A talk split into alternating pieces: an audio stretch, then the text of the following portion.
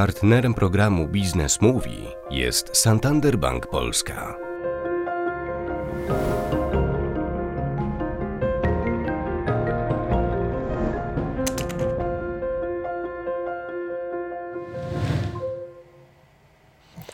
Dzień dobry Państwu. Witam Państwa bardzo serdecznie w programie Biznes Mówi. Ja nazywam się Kazik Krupa i będziemy rozmawiali z luminarzami polskiego biznesu, polskiego w ogóle życia gospodarczego, ale nie tylko, bo będziemy rozmawiali o biznesie w każdym jego przejawach.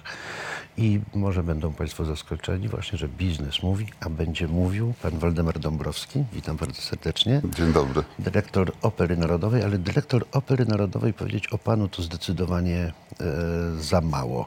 E, jakim idiomem, a może jednym słowem, może jakimś jednym wyrażeniem e, pan sam siebie określa, jak pan o sobie myśli? Czasami, nie często, ale czasami zastanawiam się nad tym prawdę powiedziawszy, nie umiem znaleźć takiego słowa, bo menadżer kultury to z całą pewnością nie to, choć też. Producent artystyczny już jakby trochę bliżej. Ja bym się nazwał człowiekiem mniejszego talentu, który ma zdolność tworzenia przestrzeni, w których spełniają się talenty wielkie. I z tego rodzi się pewna projekcja, a także projekcja mojego życia, która naznaczona jest pewnymi sytuacjami, ale układa się w logiczną całość i na końcu daje to, czym się mogę dzisiaj cieszyć, mam nadzieję, razem z Państwem, czyli pozycją Polskiej Opery Narodowej na arenie światowej. No to zacznijmy od początku, jak to, jak to dobrze A, a może tak tutaj- naprawdę jeszcze bardziej e, pozycją Opery Narodowej w oczach i opinii Polaków. A, w opinii Polaków. Do tej demokratyzacji kultury, tego pana hasła e, jeszcze dojdziemy. Ale jak e, student, absolwent Wydziału Elektroniki Politechniki Warszawskiej znalazł się w tym miejscu, w którym się pan znalazł? To może wydać się rzeczywiście dziwne, ale tylko na pierwszy rzut oka. Otóż e, należałem do pokolenia, e, które było bardzo ambitne. I prawda rzekszy, wybór elektroniki był dosyć przypadkowy. Polegał na tym, że to były studia, na które najtrudniej było się dostać. A ja chciałem się z tym zmierzyć, nie mówiąc już o tym, że bardzo lubiłem matematykę, fizykę.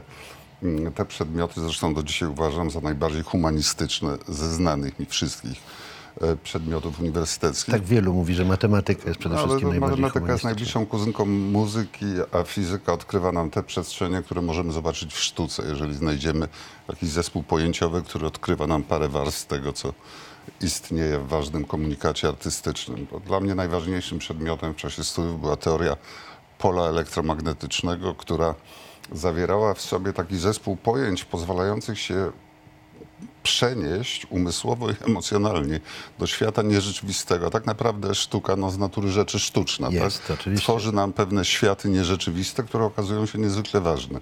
Nie chcę się rozwijać na temat teorii liczb urojonych, bo ona jest dosyć skomplikowana. Polega między innymi na tym, że jeżeli określimy problem rzeczywisty na płaszczyźnie rzeczywistej i wiemy, że jest rozwiązanie tego problemu na płaszczyźnie rzeczywistej, ale nie ma drogi przejścia, na Ziemi, nazwijmy to płaszczyzną rzeczywistą, geniusz wymyślił taką strukturę, że potrafi przenieść problem do przestrzeni uro- urojonej, potem rozwiązać go w tej przestrzeni urojonej i trans- transponować na Ziemię. Krótko mówiąc, pojęcie abstraktu, pojęcie przestrzeni, czasu, to wszystko razem ułożyło mi się w jakieś porządki, które zaczęły owocować y, intelektualnie tak, w czasie mojej aktywności jako szefa klubu studenckiego Riviera Remont. I jest pan jednym z założycieli, tak? Jestem jednym z założycieli, yy, paroletnim szefem tego klubu. Doprowadziłem go do takiego poziomu, który yy, sprawiał, że wspólnie uznawaliśmy to za najlepszy klub studencki na świecie. Zresztą jak sobie Państwo życzą, to powiem o jednej takiej traumatycznej sytuacji, której doświadczyłem wtedy. Za chwilę wrócę do dalszego ciągu e, procesu formowania się i w kulturze, i e, w, zawodzie. Mm, Otóż e, dostałem wiadomość, że jest wycieczka amerykańska, amerykańskich studentów, mówimy o roku 75, która chce zobaczyć Warszawę i jakieś miejsce, w którym bawią się studenci, więc zostali zaproszeni do, do, do remontu. Przyszli, my się przygotowaliśmy bardzo tak emocjonalnie, przeżywając wizytę No tak, e, taka wizyta koleżanek kolegów. i kolegów z Kalifornii, pamiętajmy, Z wolnego wtedy świata. Rok, rok 75. Oni się pokręcili 20 minut, y, grzecznie podziękowali i poszli. Pośród nas zapanowała trauma. Jak to możliwe, że tak nas potraktowali? Następnego dnia dostaję telefon od szefa tej grupy amerykańskich studentów, który mówi tak, słuchaj, Świetnie u was było. Ale wiesz, my przyjechaliśmy do Warszawy i Polski, żeby ją poznać. Nie interesowało nas to, co na co dzień mamy w Los Angeles. No to duży komplement. Ogromny komplement, ale podobno, podobny słyszałem od e, Michelangelo Antonioniego, od Cortozara, od tych wielkich, wielkich ludzi e, świata kultury, którzy przyjeżdżali na nasze e, zaproszenie i rzeczywiście stworzyliśmy żywe, ważne miejsce młodej inteligencji. A Moim później zdaniem przyszło dorosłe życie. e, potem przyszło dorosłe życie, ale ja już wtedy wiedziałem, że studia muszę skończyć tylko po to, żeby e, legitymować się dyplomem wyższej uczelni, bo wtedy to było przepustką do tak zwanej dorosłości.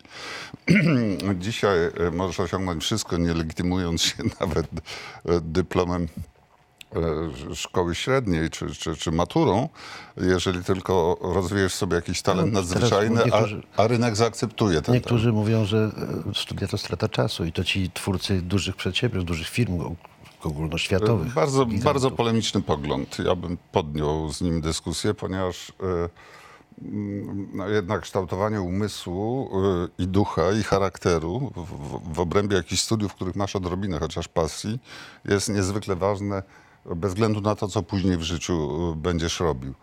Ale mm, w moim przypadku było tak, że ten remont dał mi początek e, takich serdecznych, a później już roboczych kontaktów z wielkimi polskiej kultury typu Krzysztof Kieślowski, Andrzej Wajda, prawda, czy Krzysztof Zanussi e, i wielu innych ze świata. Ja już wiedziałem, że w tym świecie po, pozostanę. Jaki jest Pana pogląd? Czy kultura to biznes? E, to jest i biznes, ale w kategoriach mm, cywilizacyjnych to jest coś więcej niż biznes. Kultura to jest taka wartość, która e, kształtuje każdego z nas. Człowiek kulturalny pracuje przy obrabiarce wydajniej i precyzyjniej. Lepiej wychowuje swoje dzieci. To jest, co jest stopą zwrotu wobec tego w kulturze? stopą Bo zwrotu? w biznesie, co- w biznesie nie, nie. stopa zwrotu jest określona. Co jest stopą zwrotu w kulturze? jakość życia, czyli najważniejsza wartość.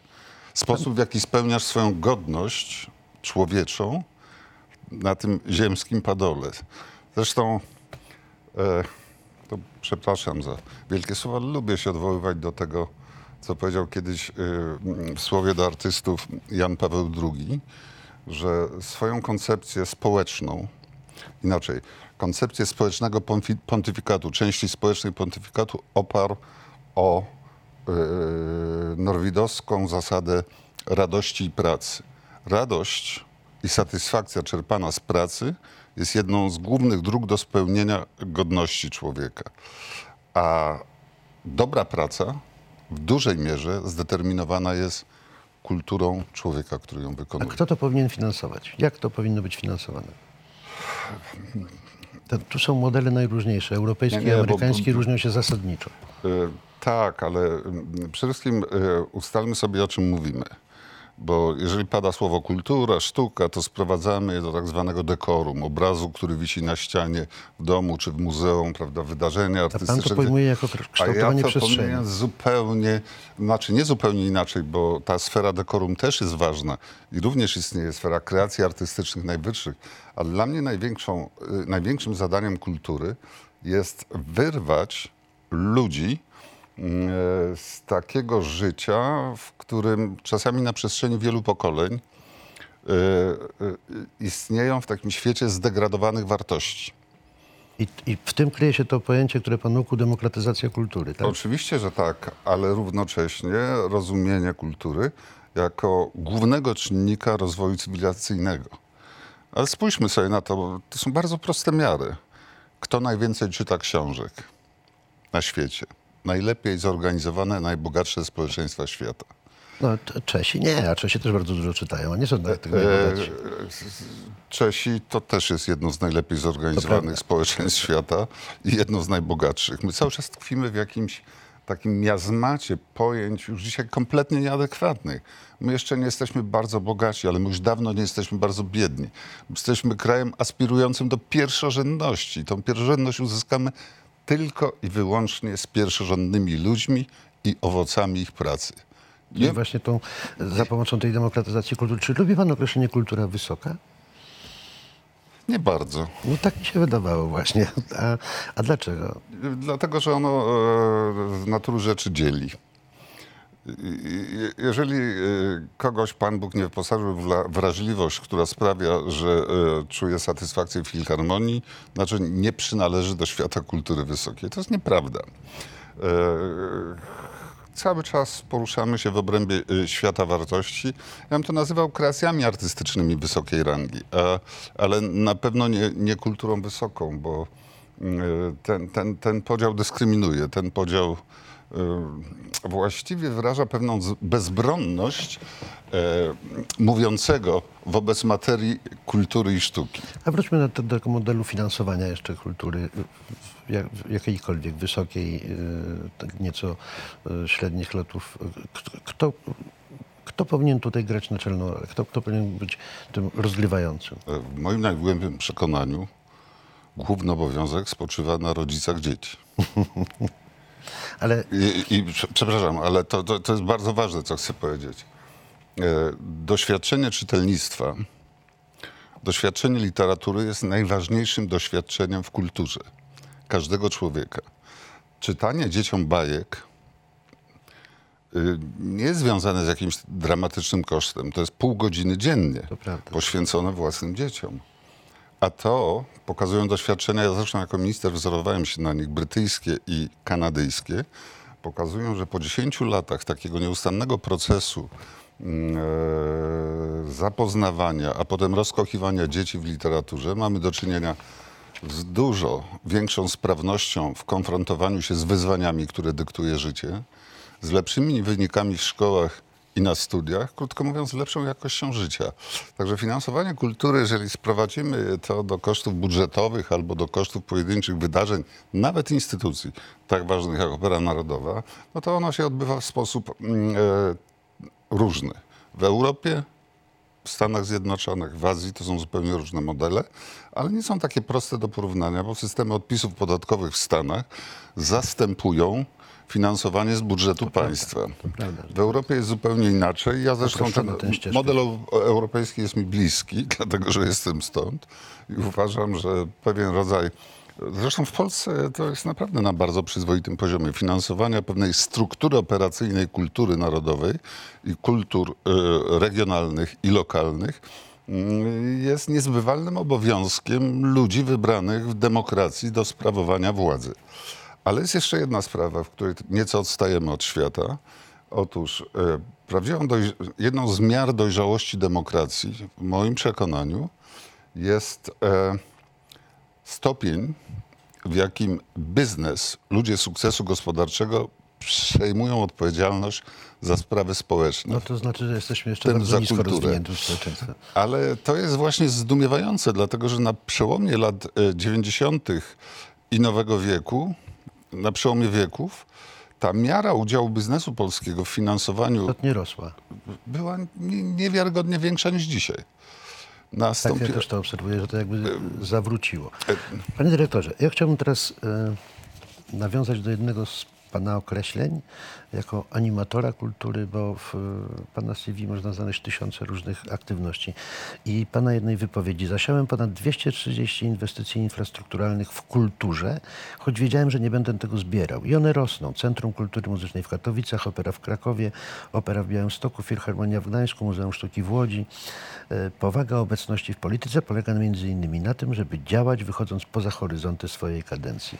Tak naprawdę wszystko jest tu powiedziane, ale gdyby Pan to rozwinął, jakie to ma znaczenie właśnie dla rozwoju kultury i tego modelu biznesowego, bo to się musi wszystko osadzać jednak no, w, w, w pewnych ramach finansowych.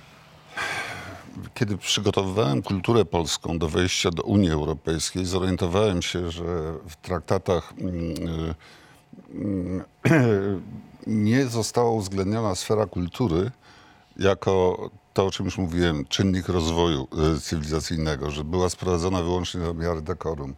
W związku z tym y, bardzo szybko w Brukseli domówiłem się z ówczesną szefową e, kultury w Komisji Europejskiej, Vivian Reding, e, znaną bardzo e, luksemburżanką, że ja napiszę y, strategię rozwoju kultury polskiej do roku 2020, a ona sprawi, że otworzymy dla kultury y, strumienie finansowania strukturalnego, czyli tego rozwojowego, które były zagwarantowane w przyszłej y, sytuacji członkostwa Polski w Unii Europejskiej. W ramach y, y, rozpoznawania rzeczywistości kultury polskiej, a w szczególności infrastruktury, zobaczyłem, w co Państwo y, pewnie y, z trudem y, uwierzycie, ale ja daję słowo honoru, że tak było, że wyszły nam podziały rozbiorowe. Aż tak? Aż tak, ale przyjrzyjmy się sieciom połączeń kolejowych To czy prawda. sieciom dróg. Mapa, mapa koleje, połączeń kolejowych jednoznacznie wyznacza. Przyjrzyjmy się nawet elewacją domów. Wy- Już mniej. Już teraz już mniej. Tak, ale mówimy o czasie mm, 17 lat A temu. tak, tak. To, to, E, I mm, e, w związku z tym wiedziałem, że e, pewną dynamikę procesowi kultury może dać tylko wyrównanie dramatycznych różnic w infrastrukturze kultury poszczególnych regionów i pomiędzy tymi regionami.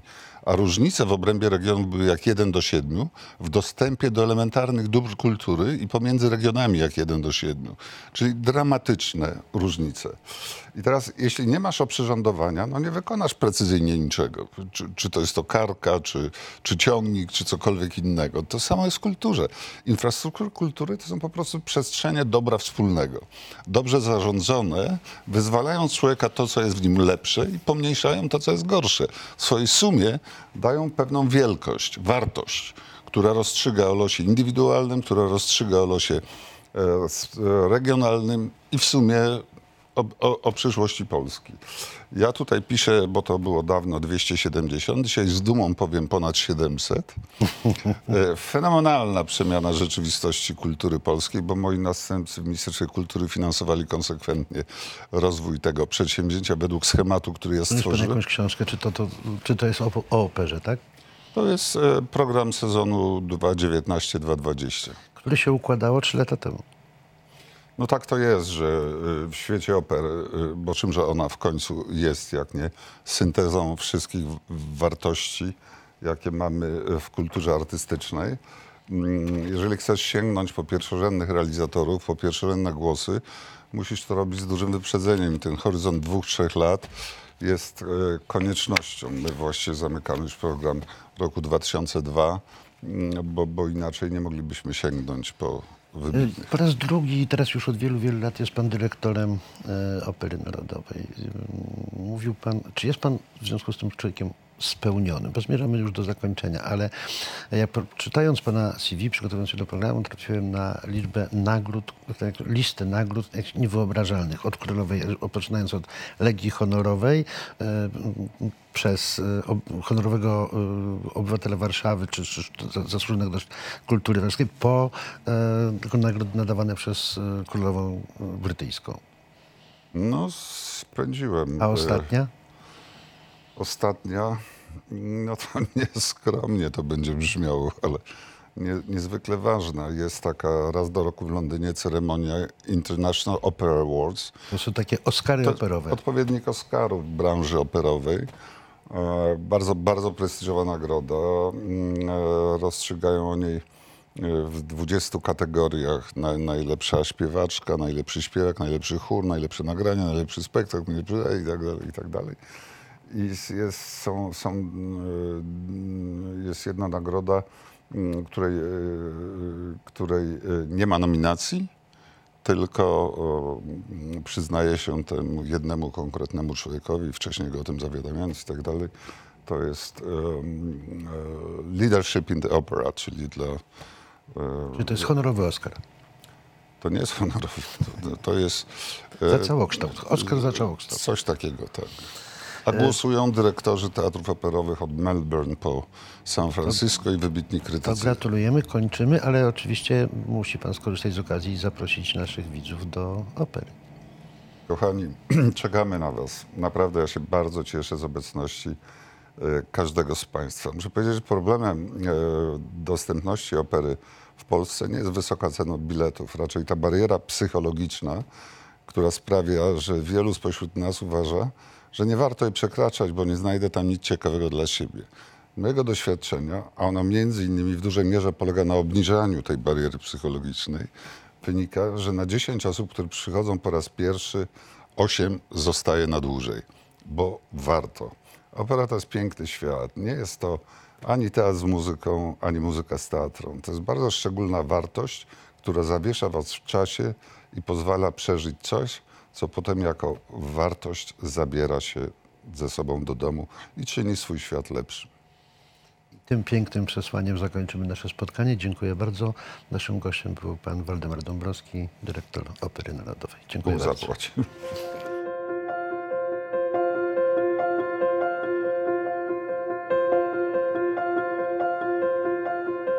Partnerem programu Biznes Mówi jest Santander Bank Polska.